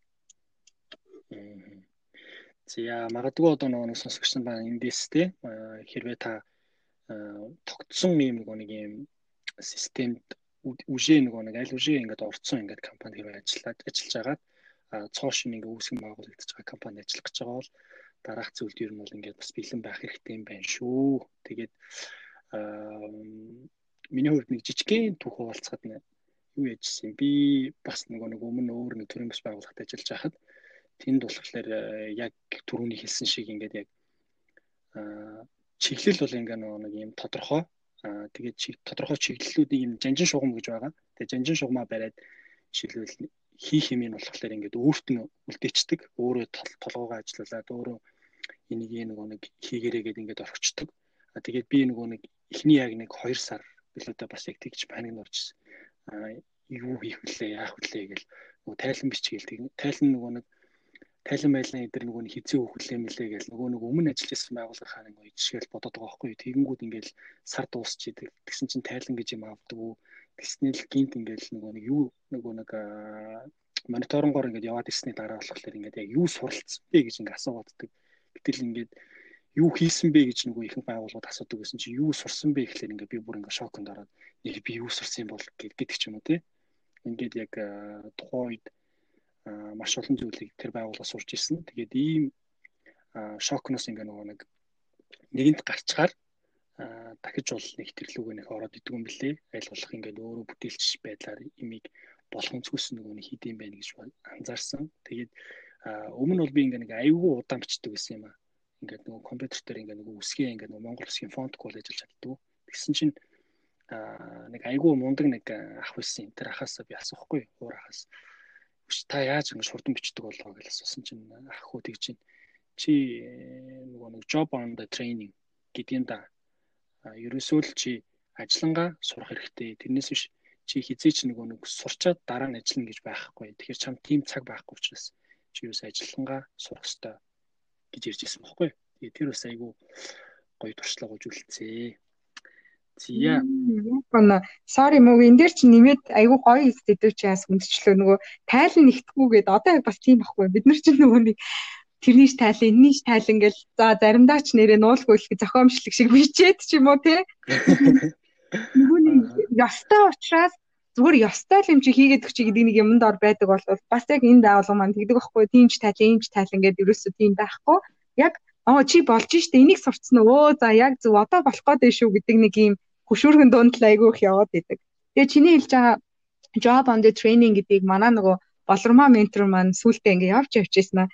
Тэгээ ерөөсөө л learning by doing гэдэг арай өөр үгээр л хэлчихэж байгаа байхгүй юу? Хийж яхад стал суралцах юм байна. Тэгэхгүй ингээд төгс олцоод сурчаад энийг ингээл за энийг л мэдчихэд хийн гэвэл өстой. Байхгүй юм байна гэдэг бүр амар гоё. Бүр энэ үгийг яас аюул санаж явтыг learning by doing гэдэг нэмж хэлмээр санагдлаа. Аа. Харин энэ айгүй нөгөө нэг чухал юу юм бэлээ? Байгууллагын нөгөө нэг гоё уур амьсгал юм бэлээ л дээ. Тэгээд түрүүний хэлсэн нөгөө өөрийн хувь хүний алсын хараатай компанийн алсын хараа хэрвээ нэгдэчихвэл те зорилго нь нэгдэчихвэл ингээд ажиллахад ингээд урамтай тэгээд нөгөө нэг илүү төхөнтэй илүү нэг урам зоригтой ажилтдаг гэж шүү дээ. Үнтэй би бас үнэт зүйл тухайн хүний бас үнэт зүйлтэй бас холбоотой байт юм болов уу гэж утсан. Тэгээд миний нөгөө үнэт зүйлтэй миний өмнө ажилласан төрийн бас байгууллага нийцдэг бас учраас би нөгөө нэг тэнд ажиллахтаа айгу баяртай. Тэгээ нөгөө хизээч цаг одоо болчлоо тарах болчлоо доо гэд ингээ яардггүй эсэргээрээ ингээд нөгөө нэг яна тэр хийгээд тусчихсан энийг хийгээд тусчихсан ингээл ингээл амар хичээдэг гэсэн байхгүй хэдэж гэхдээ нөгөө нэг тэр хүмүүс ингээл камер тавиад ч юм уу эсвэл миний хажууд суугаад тэрийг хийгээд суу гэд хэлээгүй ч гэсэндээ ингээ цаанаасаа ингээ нэг юм санаа зов үүрэг хариуцлага бүр ингээ өөрөө ухамсарлаад идэм юм шиг санагдсан л та. Тэгээ бүр ингээ цагч бүртгэхгүй болохоор ингээ өмнө нөгөө цаг бүртгэдэг систем дээр ингээл газар ажилтдаг гэсэн юм чинь ингээл гайхаал ингээл яна би хоцорчлоо доо гэж бодонгуул ингээл юу ч хэлэхгүй. Тэгэл ингээл юу сурсан өнөөдөр э, сонь сайх юу вэ гэл ингээл зүгээр ингээ нөгөө нэг ажил нь гарч идэг гэсэн хэрнээл хажуугаар нь ингээд чи одоо нөгөө нэг яаж ийн гэл ингээл айгүй тийм нөгөө кэрлж чаддаг тийм нөгөө орчин хүнийг бас их хөгжүүлэхэд нөлөөтэй байд юм байна гэж би бол тухайд харж исэн. Тэгээд тэр байгууллагаас их зүйл сурсан. Бас их баярлалдаг аа гэдэг. Наадлаас мэдээ байгуулга байгаа хгүй юу? Байгууллагын соёл нь бол хүний хүчлэхгүй мөртлөө тэр хүний үн цэн дээр нь үнслээл тэгсэн мөртлөө тэр хүн юмаа бүр илүү хичээж хийгээд байна гэдэг бол бүр тэр удирдлагынч гайхалтай, байгууллагын соёлынч гайхалтай үнэхээр аян гоё байгаа хгүй юу? Гэтэ залуучууд маань тийм зүйлийг өөрсдөө би яаж ийм болгож болох уу гэдэг үнцгтэр өөр дээрээ тулгуурлаж айгүй их бодож байгаа л гэл би түрүүний мессежэл давтаад өгмөр энэ те. Чи тэр байгууллагыг сайжруулахад үнэхээр хичээл зүтгэл гаргах юм бол чи цалин дээр битгий тулгуурлаарай гэл нөгөө одоо Shark Tank макаар айгүйх яриа л хэдэж тэр мөрөө чим яг одоо ойлгоод байгаа байхгүй юу? Гэхдээ цалин хэрэгтэй. Гэхдээ чи цалин авангаа заримдаа нөгөө одоо Моникас хэлдэг байхгүй? Paid investment хийж байгаа тий одоо чамааг зүгээр энэ зүйлийг сурж байгаа сураад зүгээр сурсан жоохон хувь нэмрээ оруулж байгаа гэдэг дээр чинь л тэгээ амиа зогоогоод явчих гэдэг үднээс цалингийн суур ингэж явдаг аа. Чи үнэхээр чадаад агаад чинь би цалин өгöd байгаа биш чадах гад сурах явцад чинь ингэж цалин гэж олгоод байгаа. Тэгээд энийг бол яаж өсгөж чи яаж өөрөө юу хийж чадаж ямар үр дүн гаргаж чадна тэр хэмжээгээрээ бол тэр чинь асуудалгүй болоод явна гэдэг дээр явдаг. Тэгэд энэ нь бас эргээ харахаар айгүй зөв систем харагдаад байгаа байхгүй юу? Зүгээр л нэг өглөө тэнд манах ашиг суугаад яг адилхан цалин аваад ямар ч өөртөө ихтгэлгүй тим явах чинь бүр ингээд үнэхээр чанаргүй амьдрал авах гэдэг байхгүй тий. За тэгээ хэд хоёлоо цаашаа яриулахгүй амьдралын утга учир мөчр Тийм үнийг аа энэ дээр нэг э, жижигхэн энэ зүйл зүйлийг нөгөө дурдаад бас э, хэлмээр санагдаад байна гэх. Нэгэнд нөгөө нэг ярьсных гээд аа юу өмнө нөгөө нэг намайг яг тэр э, байгууллагт ингээл ажиллаж явах хэвцтэй ингээл хүмүүс тэгдэгсэн байхгүй. Чи ингээл ийм баг цалинтай ингээл ажиллах гэж ажиллах гэж гээл амар намайг сэтгэлээр амар унгаах гэж үздэг. Гэхдээ би тухайн үед бол тэр хизээ сэтгэлээр унжаагаагүй харин эсэргээрээ ингээд би асар олон зүйлийг энэ ингээд байгууллага сурж байна, суралцж байна. Надаа дахиж энэ байгууллага шиг ингэж ийм үнэтэй нэг нэг туршлагыг өгөх газар би байхгүй гэж бодож байгаа. Тэгэхээр мэдээж цаг нь болохоор нөгөө нэг хааны алба нөгөө нэг халаатай эзний алба ээлжтэй гэдэг шиг те мэдээж э, энэ байгууллагт үүр дүнмөх ажиллана гэж байхгүй. Тэгэхээр нэг л өдөр нөгөө нэг явхад харин юу үлдэхгүй гэвэл тухайн хүн туршлага үлдэнэ сурсан зүйл нь үлдэн. Тэрнээс биш хизээч одоо нөгөө нэг мөнгөөрөө нөгөө нэг тэр зүйлийг ингээ худалдаад авах боломжгүй юм аа гэдгийг би тухайн хүмүүст ингээ удаа дараа ингээ хилдэг л байсан. Тэгээ ерөөсөй ойлгодог л байсан л та. Тэгээд а одоо ч гэсэндээ бас нэг тийм ойлголт цус яваад тах шиг санагддгийг. Тэгээд өөрийн чинь хувьд карьерийг юу нэг юу гэж ойлгодог вэ? Карьер гэхэлэр одоо жишээлбэл нэг нийгэм түгээмэл ойлгодог байдаг шүү дээ. Баг цалингаас их цалинтай ажилд орох эсвэл ингээ нөгөө нэг бага туш алтан тушаалаас өндөр алтан тушаалд хүрэх эсвэл нөгөө нэг дотоодын компаниас гадаадын компанид ажиллах эсвэл бүр үндэстэн дамжгүй улс оронд ажиллахыг карьер хийж гинэ гэж үздэг. Тэгвэл өөрийн чинь хувьд яг энийг юу гэж ойлгодог вэ? За би нэг амар сонио хариулж магадгүй шүү. Гэтэ миний үнцөг штэ тий. Аа карьер гэдгийг яг уу яг уу хувийн амьдрал карьер гэж яж болно тий. Гэтэ яг хүн одоо миний хувьд бол аа ер нь карьер гэдгийг ирээдүйн чиний бүтээхийг хүсээд байгаа тэр дүр төрхний төрхийг төрхий чинь салшгүй нэг хэсэг нь карьер юм аа л гэж би одоо бодоод байгаа байхгүй юу. Тэгээ карьер гэдэг айгүй албан ёсны ингээд сонсогдоод байна шүү дээ. Гэтэ яг ингээд ботхоор одоо бид нар нөгөө хөтөлбөрт хөтөлбөр дээрээ чи 80 настайдаа тий яг ямар хүн болцсон байгаагаа төсөөлж чадчихэв нү тий тэр дүр төрхөө чи яг яаж бүтээж ийн гэдэг нөгөө том зургийг айгүй харуулахыг хичээдэг байхгүй юу. Тэгээ тэр тасгал дээр би ажиллаж байхдаа ингээл өөрийнхөө одоо би бүр одоо ингээд ер нь нөгөө би бас нөгөө философийн клубт яваад байгаа байхгүй юу нөгөө өө ган зориг гэдэг багшийн нөгөө мандалтай хатгалын үүсгэн байгуулагч тэн дээр бас ингээд би хинбэ гэдэг эсэ бичүүлэхдээ ган зориг багш юу гэж чиглүүлж исэн гэхээр та эдийн эсэгээ одоо төрснөөсөө биш үхэж байгаа мөчөөсөө эхлээд бичээрэй гэж байгаа байхгүй юу? Тэ? Чи оршуул үхчихин тэ? Чи яг үхлээ гэхэд чи яг ямар мэдрэмжтэй үхэж байгаа? Тийм үү?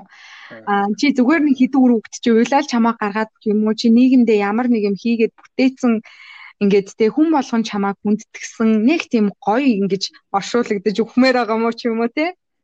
Тэр өнцгөөс нь бодоод харчвал заавал ингээл карьер гэл ингээл те миний карьер тийм байх хэвээр мостой гэл нэг карьер гэдэг үгэн дээр ингэж унаад хөөцөлтөд байхгүйгээр чи ирээдүйн өөрийнхөө одоо бид нар чи өдөр тутамдаа л маргаашийн биегээ бүтээж яваад байгаа шүү дээ ер нь бодлол тий? Өнөөдрийн миний хийж байгаа үйлдэл маргаашийн миний хийж байгаа үйлдэл нийлээд энэ нөгөө өдөр тутам хийж байгаа сонголтууд шийдвэрүүд үйлдэлүүд чинь нийлээд бидний ирээдүй бүтээгээд байгаа шүү дээ.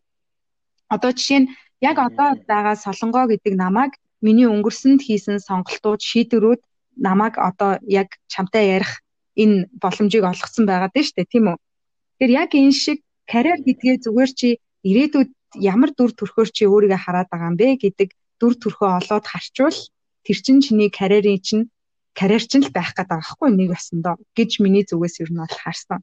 Тэрнээс ингээд аа яг тэрнлүүгээ ихтэй гол нь явах хэрэгтэй болох гээд байгаа хгүй юу. Тийм байгааз. Тийм. Тэрийг л ирээдүйн төрх чинь чиний карьер юм аа л гэж ерөөхдөө ол хэлэх гээд юм л та. Маш сайхан хариулт байна. Аа нөгөө нэг сая чамаг нөгөө нэг тгээ ярьсан чи амар инээдтэй нөгөө төөгөгийн нөгөө бүжигчин төөгөө штэ. Тэрний нөгөө санаанд ордог ш. Нөгөө ингээл хүчих юм уу? Ингээл хүчих юм уу гэдэг.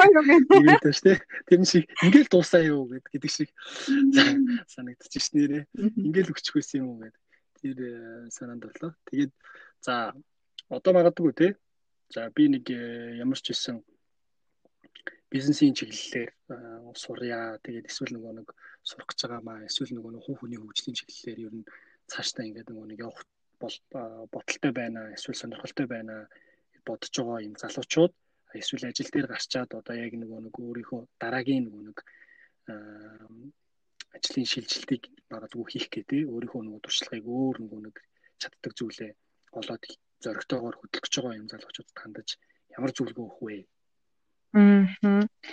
Окей. За энэ хуганы хөгжлийн чиглэлээр бизнесийн чиглэлээр сурмаар байна гэх. Тэгэхээр одоо яг үнэндээ удирдлагын актын бизнесийн удирдлагаар төгсчөөд амжилттай бизнес эрхлээ явж байгаа хүн гэхээр бас асуудалтай шүү дээ тий.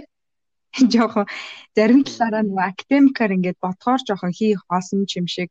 Гэтэ тухайн хүний тэр нэг одоо эргээл нөгөө төрөлхийн тэр нэг мэдрэмж тэрийгэ таньж мэдээд тэрэн дээрээ тулгуурлаад бизнесээ босгох ч юм уу тий тэгвэл айгүй үр дүнтэй ах гэж би зөвлөмөөрэй. За тэгээд магадгүй яг хувийн хөгжлийн одоо бол баг ингээл хүн болгон ментор, коуч болох юм сонирхолтой болчлоо шүү дээ. Би ч гэсэн анх нөгөө Моникаг түрүү жил мэддэг болж байхдаа дасгалжуулагч болох хэрэгтэй юм байна. Энэ лайф коуч гэд гоё юм шиг байна гэж бодож хайжгаад би Моникаг олж исэн хүн шүү дээ одоо яг халуун ногоон дотор нь ороод мэрэгжлийн дасгалжуулагч хүн хүнтэй яаж ажилтгийг хараад ирсэн чинь үнэхээр хэцүү байгаа байхгүй. Яг үнэндээ би зүхтаацсан одоохондоо. Oh my god ямар хэцүү юм бэ гэд ингээд бодсон. Бүр айгүй хариуцлага юм байна. Би хаач байсан би болоогүй байна гэдгээ би өөрөө мэдсэн байхгүй. Тэгэхээр энийг нөгөө нэг одоо жишээ нь хувь хүний хөгжлийн team сургалт явуулна, ийм сургалт явуулна гэж нөгөө туршлага байхгүй. Тэгсэн мөртлөө нэг жоохон ингээд ийм зөндөө хүмүүс гарчаад байгаа шүү дээ. Тэрэн дундаас яг өөрийн хувь хүнээ хөгжүүлэе гэж авал яг юм зөв сонголтоо хийх, тэр хүнээ сайн судлах, тэр хүний одоо туулсан амьдрал, сурсан мэдсэн юм, одоо хүртэл хийж бүтээчээд байгаа юм нь юу вэ гэдгийг айгүй сайн тулгуурлаж тэр одоо хөгжүүлэх сургалт мургалт юмудаа бас сонгоорой гэж хэлмээр байна. Ер нь бол яг хөө ингээд хүн ер нь одоо яг сүүлийн үед бас айгүй нөгөө амжилттай явж байгаа хүмүүс хэлээд байгаа шүү дээ. Ментор айгүй зөв сонгочвол чиний цаг хугацааг хувийн хөгжлийн хувьд одоо чиний асуугаад байгаа тэр карьер марьерийн чинь хувьд айгүй хэмнэх боломжтой юм байна л да. Яг одоо цаг үед бид нэг бодлын айгүй азтай. Тэгэхээр чи өөрөө сайн судалж байгаад яг чиний мэрэгжил дээр чиний болохыг хүсээд байгаа тэр хүмүүсээгээ өөрөө өстой жинхэнэ гүйж түүж агаад хайж олох те энэ янз бүрийн менторийн хөтөлбөрүүдийг судалж үзэх. За тэгээ манай академийн бас хөтөлбөрүүд юмнуудыг судалж үзэж болно. Тэгээд ийм боломжууд байна. За дараагийн ажлаа хийх гэж байгаа шал өөр юм руу шилжиж байгаа энэ төр дээр бол миний бодол юу бэ гэхээр зүгээр одоо чинь би имч байж яснаа ёо шал залхуутай юм би IT болно гэл одоо 5 6 жил 10 жил эмчээрээ ажиллачаад шал өөр салбар руу орно гэхээр бас нэг талаараа жоохон хэцүү шттэ. Тэ хайрын цаг хугацаа байх гэдэг байхгүй юу. Тэгэхээр миний харж байгаагаар бас одоо олон хүмүүсийн амьдралыг ингээд сонсож байгаа туршлагаас харахад а чиний өнгөрсөн амьдрал бол чиний бэлэг байгаад байгаа байхгүй юу. Бүх боломж чинь чиний өнгөрсөн амьдрал дотор байгаа. Тэгэхээр тэр өнгөрсөн амьдрал дотроо тууллаад гараад ирсэн тэр гоё юмнууд чи юу байна? Чиний хийгээд бүтээсэн нөөц боломжууд чамд юу байна гэдэг зүйл дээрээ тулгуурлаад дараагийн шилжилтээ хийвэл айгүй зүгээр байгаа даа байхгүй юу? Тэгэхээр одоо жишээ нь манад энэ нөгөө манай нэг оролцогч байгаа байхгүй юу? Мэслийн эмч гээд 12 3 жил мэслийн эмчээ хийчээд нөгөө ажиллах нөхцөл нь айгүй хүнд те. Ингээд хийчээд нэг өдөр одоо гэр бүлийн хувьд ч гэсэндээ ингээл шүн нээлж ингээл баг гэртээ таарахгүй өглөө ирээл унтчаал орой гараад ч юм уу.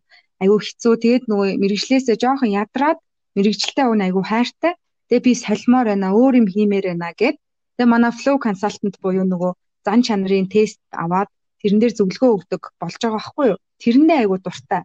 Тэгэхээр энэ хүн зөвлөгөө өгдөг болохдоо зөвлөх хүмүүсээ нөгөө эмнэлгийн салбарынхаа хүмүүсээр сонгогдож байгаа байхгүй юу тэгэхээр нэг иймэрхүү байдлаар нөгөө нэг шилжилт хийвэл өөр өөрт чинь ч гэсэн айгүй чухал байх гэдэг хэрэгтэй байх гэдэг байхгүй юу одоо нөгөө ганцхан буцааж болохгүй юм бол цаг хугацаа гэд хэлээд байгаа шүү дээ. Тэгэхээр чамд байгаа нөөцөө ямар нэг байдлаар чи ашиглаж дараагийн нөгөө карьер одоо ажил руугаа юм уу бизнес руугаа орвол хамаагүй илүү байна гэсэн үг болох байгаа байхгүй юу?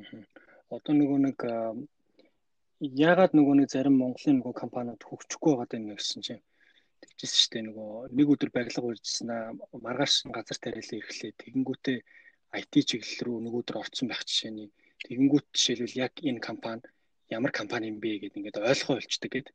Тэгэхээр тэрэн шиг л нөгөө байж болохгүй гэж хэлээд байгаа гэсэн үг тийм. Болохгүй байна шүү гэдэг. Түрүүн нөгөө тий болохгүй байна шүү гэдгийг. Тэгээд а түрүүний яг нөгөө нэг ярьжсэн дээр чинь нэг юм асуумаар санагчлаа нөгөө нэг ментор менти гэдэг байгаа шүү дээ. За ментор хэрэгтэй байна гэдэг шүү дээ. Тэр нөгөө нэг одоо ментор гэдэг бол шинэ ойлголт яваад байгаа шүү дээ. Гэтэл манайхны хувьд бол ингээд яг ментор гэдэг тэгэнгүүт жишээлбэл надаа ийм шууд зөвлөгөө өгөх ёстой юм шиг тийм. Шууд ингээд хариуг нь ингээд өө наата чинь тэгж хийнэ гэдэг ингээд хэлүүлэх ёстой юм шиг тийм. Ийм нөгөө нэг ойлголттой байгаад байгаа. Одоогийн нөхцөл байдалд бол тийм. Гэтэл ингээд яг ментор ингээд нөгөө нэг аваад яваад болов улсад ажилтсан яг ингээд сураад үтцсэн хүмүүсийн хувьд бол ментороос асуу ментийн яг юу асуух ёстой вэ? яаж менторлуулах ёстой вэ гэдгийг ингээд мэдээд идэг шүү дээ. Тэгээ манайхны хувьд бол ингээд нэг юм цогоо шин зүгшгэл юм байгаад байгаа байхгүй. Тэгэхээр магадгүй одоо нэг залуучуудын хувьд цаг хугацаагаа хэмнэх зүйл бол метр гэж шүү дээ. Тэрнтэй бол би бол санал нэгдэж байна. Тэгээд бас өөр залуучуудад хэрэг болох үүднээс метр ментигийн харилцаа яг ямар байх ёстой. Менти юм бол ментороос яг юуг яаж одоо нөгөө нэг менторлуулах ёстой юм бэ гэдгийг товчхон ингээ нэг базаад хуваалцаж. За окей. Тэгэхээр энэ дээр товчхон гэхээр ерөөсө хариулж болохгүй юм л та гэхгүй. Одоо энэ дээр би одоо эхнээс нь коуч, лайф коуч гэж яриад байгаа, ментор гэж яриад байгаа, менти гэдэг нь ялгаатай ялгаатай шүү гэдгийг хэлмээр бүр үнэхээр чи айгу бас дахиад чухал асуулт байна те. Тэгэхээр одоо ингээд сүүлийн үед ингээд коуч болно гэсэн ийм хүсэл эрмэлтэлтэй одоо хуучин жилийн өмнөх начиг хүмүүс айгүйх байгаад байна л та коуч гэхээр өөрөө нөгөө нэг юу гэдгээ мэдгүй харахад их л сайхан одоо тэр чин лектор гэж байна те бас айгүй төстөө мөртлөө жижигэн жижигэн ялгаатай мэрэгчлүүд юм байлээ л дээ. Одоо коучийг сэтгэл зүйчтэй ингээл хальж утгадаг ч юм уу те. Тэгэхээр яг одоо би өөрийнхөө өнцгөөс ерөөхдөө энэ юуг нь хэлээд өгөхөд за сэтгэл зүйч бол хүний өнгөрсөн одоо амьдралаас авсан шархан шархыг нэмжлдэг хүн байх гэдэг байна. За лайф коуч болоод ирэхээрээ тэр хүнийг ирээдүрүүн чиглүүлдэг хүн байх гад мэрэгжил байх гад байна. Тийм үү? За тэгэн гол яаж юм гэхээр а ментор болохоор ментор гэхдээ юу ч байж болно хгүй. Заавал нэг хүн ганцхан ментортай байна гэсэн үг биш. За тэр нь юу гэж юм гэхээр за одоо би ингээл хоёр хүүхэдтэй айгүй хүүхдүүдэд айтаахан өсгөөл явж байгаа ээж байлаа штэ би. Тэгэнгүүт дөнгөж хүүхэдтэй авах гэж байгаа ч юм уу жирэмсэн болцсон ингээл миний мэдгүй байгаа ямиг мэдгүй байгаа охтуудын хувьд би ментор байх гэдэг байгаа хгүй нөө ээж байх талаас нь би ментор байх гэдэг юм уу.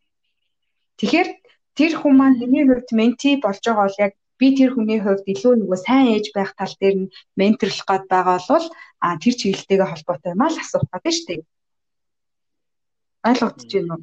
За тэгэхээр чи карьерийн хувьд ментор авах гээд байгаа менти хүсэж байна гэх юм бол за миний яг хүсэж байгаа тэр карьер дээр одоо яг миний үзэл бодолтой, сонирхолтой ойролцоо, яг миний зан төрхтөө бас ойролцоо, тиймэрхүү хүн хэн байна, амжилттай явж байгаа хүн хэн байна, хаана байна гэдгээ мэрэгжлийн үүднээс ментор хайж байгаа бол сонгох нь шүү дээ. Энд чинь юм тустай ойлголт байх гэдэг байхгүй. Нэг хүн ганцхан ментортой л байна гэсэн үг биш. Тэгэхээр чи карьерийн хувьд яг энэ ажил мэрэгчлэлээрээ энэ менторыг сонгож байгаа бол илүү тэр хүнтэйгээ яг та иймэрхүү бэрхшээл гарахаар яаж шийддэг вэ гэдэг талаасаа харилцаад явж болно шүү дээ тэр ментийн өөрөө. За магадгүй нөгөө талаасаа бүх гэр бүлийн хувьд зөвлөгөө авах гад тий эхнэр сонголт юу гэдэг нөхөр хань ижлээ сонгох тал дээр бас ингээд менторлуулаад тэр гэр бүлийн харилцаагаа сайжруулах тал дээр тэр чиглэл дээрээ туршлагатай хүнээр одоо ментор болгоё гэж байгаа бас ингээд сонгоод эн чинь юм жоохон салгаад бас менторудаа сонгож болно гэсэн үг. Тэгэхээр тухайн тэр ментор гэд байгаа хүнээ чи яг юун дээр нь давуу байна гэж харж сонгосон. Тэр үгнээ тэр зүгээсээ л илүү одоо чиглэлээ аваад явбал ойлгомжтой болох гэдэг байхгүй юу? Тэгэхээр одоо сая сүүлд бас нөгөө нэг айгүй гоё нэг менторшип хөтөлбөр зарлагдсан байсан шүү дээ би хүсэлтээ өгсөн чинь даанч би хасагдсан. Тэгээ тэн дээр одоо 11 ментор байгаа байхгүй юу? Сонгоно гэд. Тэгээ ингээд сонгохдоо жишээ нь би бүх талаас нь тэр хүний ар гэрийн амьдрал нь ямар хүн амьдрал туулаад ирсэн. Аль болох өөртөөгөө ойролцоо зан чанартай үзэл бодолтой хүнийг би амхандаа сонгох гоо тэндээс хайгаад байгаа гэсэн үг байхгүй юу? Одоо чинь миний жишээн дээр. Тэгээ тийм хүнийхээ менти болоод яг ирээдүйн өөрийнхөө бүтээх гээд байгаа дүр төрхтөөгөө ойролцоо хүнийг чи ментороор сонгочвол тэр дүр төрх рүү чинь чамааг аваачхад чиглүүлэхэд айгүй амархан л гэдэг энгийнээр ойлгочих болно. Аа би болохоор нөгөө нэг уншиж яхад тэгжсэн л та ментор менти ямар харилцаатай байх хэрэгтэй юм бол би нөгөө нэг мэдэхгүй учраас ингээл уншиж байгаа юм л та. Жишээлбэл яг ингээл хамгийн зовлонгоо ингээл яриад тэр зовлонд нэг хариулт авах хэрэгтэй гэдэг юм өнтер гээд тэгсэн чинь нэг арай өөр юм өнцг нь болохоор чи нэг юм опшнууд ингээ гаргана гинэ. Ийм ийм одоо нөгөө нэг боломжууд байна гэдэг одоо нэг тулгарч байгаа бэрхшээлтэй чинь нэг гаргалгаагаа өөрөө гаргачаад тийм шийдвэл за надад нэг юм гурван опшн байна. Надад нэг ийм болсон гэдэг юм хэлнэ. А нэг ийм гурван ийм нэг шийдэл байна. Аль нь илүү нөгөө нэг дөхөн байх бол тий. За таны ингээ нөгөө нэг өөрийн чинь туршлагаас ингээ харахад бол аль нөгөө нэг сонголтыг хийхэд би арай илүү баг хохирол амсах юм эсвэл ямар нэгэн алдаа дутагдал нь арай баг гарахаар байна. Ер нь гайгүй болчмоор юм шиг байна гэд асуудаг гэж би ерөнхийдөө бас уншижсэн. Тийм, энэ дээр чинь аа за энэ дээр нэмээд хэлэхэд мөгээ хартаа одоо чинь нөгөө өнгөрсөн тэр YPG гээд хөтөлбөрийн шилдэг ментор баяр хүү гээд нөгөө а BSP гэсэн маха маркетинг консалтинг газрын дарга тий гүйцэтгэх захирал илүү тийм хүн байгаа хгүй юу. Тэр шилдэг ментороор шалгарсан гээд тэгээ ментийн ярьж байгаа хгүй юу. За манай ментор яадаг байсан гэхээр яг чиний хэлж байгаагаар надаас дандаа миний саналыг эхлээд асуудаг. Чи юу гэж бодож байна? Чамд ямар сонголт байна? Чинийхээр шийдвэл чи яаж шийдэхээр вэ гэд асуудаг гэж аахгүй юу? Тэр мэдээж нөгөө ментор гэдэг чинь чиглүүлнэ гэдгийг аягүй сайн бид нар ойлгох хэрэгтэй байгаа хгүй. Тэрнээс ингээл чиний бүх юмтай чи хутгалдаал те чи яг энийг ингэ гээл бэлэн хоол ингээд өгөөд ин гэсэн үг биш байхгүй? Зүгээр чи бие дааж юмнуудаа судлана яг эргэлцэн ингээд нөгөө нэг чиглэл юмнуудаа тодорхойлуулахдаа л тэр хүнтэйгээ харилцах нь шүү дээ. Мэдээж биднэрт ментор болох гэж байгаа хүн тэгэл чамааг эрхлүүлээл бүх юм чи ингээл бэлдэж өгвөл ингээд байх хүн байхгүй. Тэглээгээд тэр нь чамд ямар ч үр дүнтэй биш байхгүй нь нөгөө компани сая соёл дээр ярьсан шиг төстэй болох гэдэг үстэй тий. Зарим байгууллага нь болохоор яаж юм бэ нөгөө креатив байхын орон зайг нь өгч чинь зарим нь бол ингээд бүх юм ингээд бэлдээд өгч байгаа хоёрын одоо харьцуулахад л ментор ямар байх нь илүү үр дүнтэй, ментор ментийн ментортойгоо яаж харьцах нь илүү үр дүнтэй бас тэр жишээнээс аягүй сайхан ойлгоод авчиж болохоор ах гэж би бодоод байна. Сүүлийн хоёр асуулт асуух байсан юм нэгэд нэг ийм юу сонсч ирсэн. Data.com нөгөө энэ хутгаа хэлж ирсэн. Одоо жишээлбэл би нэг ивентэд нь оролцож ирсэн гэсэн чинь ингээд амжилттай бизнес эрхлэгчилүүдэд нэг тийм холбоотой байсан юм аа. Тэгсэн чинь тухайн үед нөгөө бизнеслийг сонирхож ирсэн юм шиг. Тэгэл очижсэн чинь тэгдэг байхгүй нөгөө нэг хутгаа гарч ирсэн ээ. За та нар одоо ингээд эндээс ингээд нэг надаас сонссон юм а шууд ингээд гараал ингээд ажил хэрэг болгоод бизнес эрхлэхэд ингээд шууд ингээд амжилттай болно гэж ойлгож болохгүй. За та нар яг үнэндээ бол эндээс бол бизнес хийхээ сурахгүй гэдэг тэгэхгүй. Тэгэхээр би бүр ингээд гайхдаг. Юу гэд уул нь нөгөө нэг бизнес лаг хийж сурах гад жишээлбэл сонсож байгаа гэж бодсон чи эсрэгээрээ нөгөө нөхөр чинь нөгөө та нар бизнес хийхээс эндээс сурахгүй. Ийм одоо яриа мараа ийм юмд ороод сурахгүй гэдгсэн чинь бүр ингээ гайхаад. Тэгээд яах юм бол гэсэн чинь шууд тэгж байгаа байхгүй. Харин эсрэгээрээ та нар зүгээр яаж хийх вэ гэдэг ийм сэтгэлийг та нар эндээс аавна эсрэгээрээ та нар яаж амжилттай байх вэ гэдэг та нар өөрсдөө шийднэ. Тэгэхээр бизнес хийж иж нөгөө сурдаг болохоос биш. Хизээч шилвэл ийм лекц семинарт суугаад та нар бол олж авахгүй гэж хэлчихсэн байхгүй. Тэгээд тэр айгүй үний юм шиг санагддаг байхгүй надад. Тэгээд э, магадгүй нөгөө нэг энийг энэ дугаарыг сонсож байгаа бол бизнесийн чиглэлээр одоо ажиллах гэж байгаа бол бас энийг нөгөө нэг авахын аваад гээхингээрээ За тэгээд сайн дурын ажил юу н хийж ирсэн үү? Тийм шүү дээ. Би чинь одоо нөгөө нэг бүр ингээд тогтмол нэг клуб юм уу бүр ингээд удаан альсаж яваагүй. Гэхдээ ерөнхийдөө нөгөө нэг сайн дурын үйл ажиллагаанд өөрөө айгүй сонирхолтой байгаа хгүй юу? А одоо чинь нөгөө PMI гэл нөгөө Project Management Institute гэл нөгөө урал мурал зохион байгуулахад нь сайн дурын одоо сайн дураараа оролцох. Тэгэл энэ тэнд ер нь бол яг сонирхож байгаа чиглэлтэй очиод сайн дурын ажлууд хийгээд яваад байдаг байсан байна. Одоо нас явахын хэрээр гэдэг шиг нэг амар хөшөрч байгаа юм шиг те. Аа зарим нэг үгнүүд ингээ нэг мартагдчихээн л та. Манай нэг өвөө эмигийн үед ашигладаг байсан, аав ээжийн үед ашигладаг байсан үгнүүд ингээ мартагдчихээн. Тэгэнгүүтээ бидрээс доош үеийнхэн болохоор ингээл жишээлбэл тэргүүн ингээл тэгэнгүүт юу яриад байгаа юм. Наад чи ямар үгийн юу гэсэн утгатай юм ч гэдэг юм уу тий. Мотор гэдэг тэгэнгүүт юу яриад байгаа юм. Яад юм бол тэр гэдэг гайхаж штэ. Тэгэхээр магадгүй өөрөө чинь нөгөө нэг зүрх сэтгэлд өвөө эмигээс чинь үлдсэн ч гэдэг юм уу тий. Тийм ховор нандин үг байвал хуваалцаач тэр үг нь ямар утгатай байсан бэ? Мм одоо яасан наач өстө хамгийн нөгөө сүүлийн тэмээний ачаа хүнд гэдэг шиг чи энийг асууна гэж хэлэхгүй яасан гэдэг шиг. Яг чамааг асуухаар бол нөгөө бусад асуултууд юм ингээд гарч ирээд байгаа хгүй юу? Одоо бэлэн надад байгаад байгаа ч юм уу мэдхгүй яг наад асуултыг чи асуусан чи ер нь айгүй тийм бодох хэрэгтэй л болоод явчлаа шүү. Яг нөгөө тийм нэрээгээсээ яг ингээд бодохоор ээж одоо манай өвөө гэхэд нөгөө зээхтэй нүдтэй охин гэдэг аягүй их тэгдэг байсан. Намаг зээхтэй нүдтэй гэдэг нь нөгөө давхраатай нүдтэйг л хэлдэг юм байна л та. Одоо тэр нь яг тэр одоо нутаг усных нь юунаас шалтгаалж хэлдэг юм уу? Яг нийтлэг хэрэглэгддэг байсан үг юм уу? Би сайн мэдэхгүй байна. Сүүлийн үед бол ерөөсөө зээхтэй гэдэг үгийг би ерөөсөө хүн амтнаас сонсоог байгаа хгүй юу? Тэгэхээр ямар ч байсан намайг тэр эрхлүүлдэг байсан тэр үг нь л яг шууд орж ирж ийн л та зээхтэй нүдтэй гэхээр давхраатай нүдтэй гэсэн үг гэл энийгэл ингээд явдаг. Би ч ерөөсөө сонсож байгаа. Тийм байна. Харин магадгүй судалж үзэх хэрэгтэй ч биш магадгүй те. Нөгөө зээхтэй нүдтэй заримдаа хүмүүс ч хүүхд мөхтэй эрхлүүлэхээр нөгөө шин шин үг нөгөө нэг сэтгэл санаанаас нь зохиогоо л бөмбүүлээ бомболоо гэж гараад ирдэ штэ. Тэр шиг нөгөө эрхлүүлдэг бас тэр хүнээс гарч ирсэн үг байхыг бас үгүйсэхгүй. Гэтэ ямар ч байсан зээхтэй нүдтэй охин гэдэг байсан юм байна. Зөв зөв зөв. Тэгвэл би ч та зөндөө олон зэгтэй нүдтэй хүмүүсийг харж ирсэн гэж ярих нь шүү дээ. Зя тэгээд өнөөдөр нөгөө нэг цаг цаваа гаргаж дугаарт маань оролцсонд маш их баярлалаа. Тэгээд хэрвээ дугаарт маань таалагдсан бол YouTube channel-д маань subscribe хийгээрэй, Medium маань follow хийгээрэй. За, page-д маань лайк дараарай. Тэгээд share хийгээрэй гэж бисья сонсогч нартай. Тэгээд Солонгодоо цаашдын ажилд нь өндрөөс өндөр амжилтыг хүсье. Өнөөдрийн дугаарт маань болохоор Моника Батцөхийн тасгалжуулалтын академи Event and Community Leader Солонгоо оролцлоо. За тэгээд мөгөдөө бас маш их баярлалаа. Тэгээд хийж байгаа одоо подкастууд, хийж байгаа ажил үйлс болгонд нь амжилтын дэдийг хүсье. За тэгээд бит хоёртоо энэ хүртэл хамт байсан бүх сонсогч нартаа маш их баярлалаа. Тэгээ та бүхэн минь подкастнаас сонсоод өөрт төрсэн сэтгэлдээ заавал хуваалцаарай гэж хэлмээр байна. Нөгөө бодоод ойлгосон зүйлээ бас хуваалцаад комментээр бичгээр бас хүн их боддог учраас илүү сайн ингэж өөрт чинь шингээж өгөн шүү гэдгийг бас хэлмээр байна. За тэгээд баярлалаа.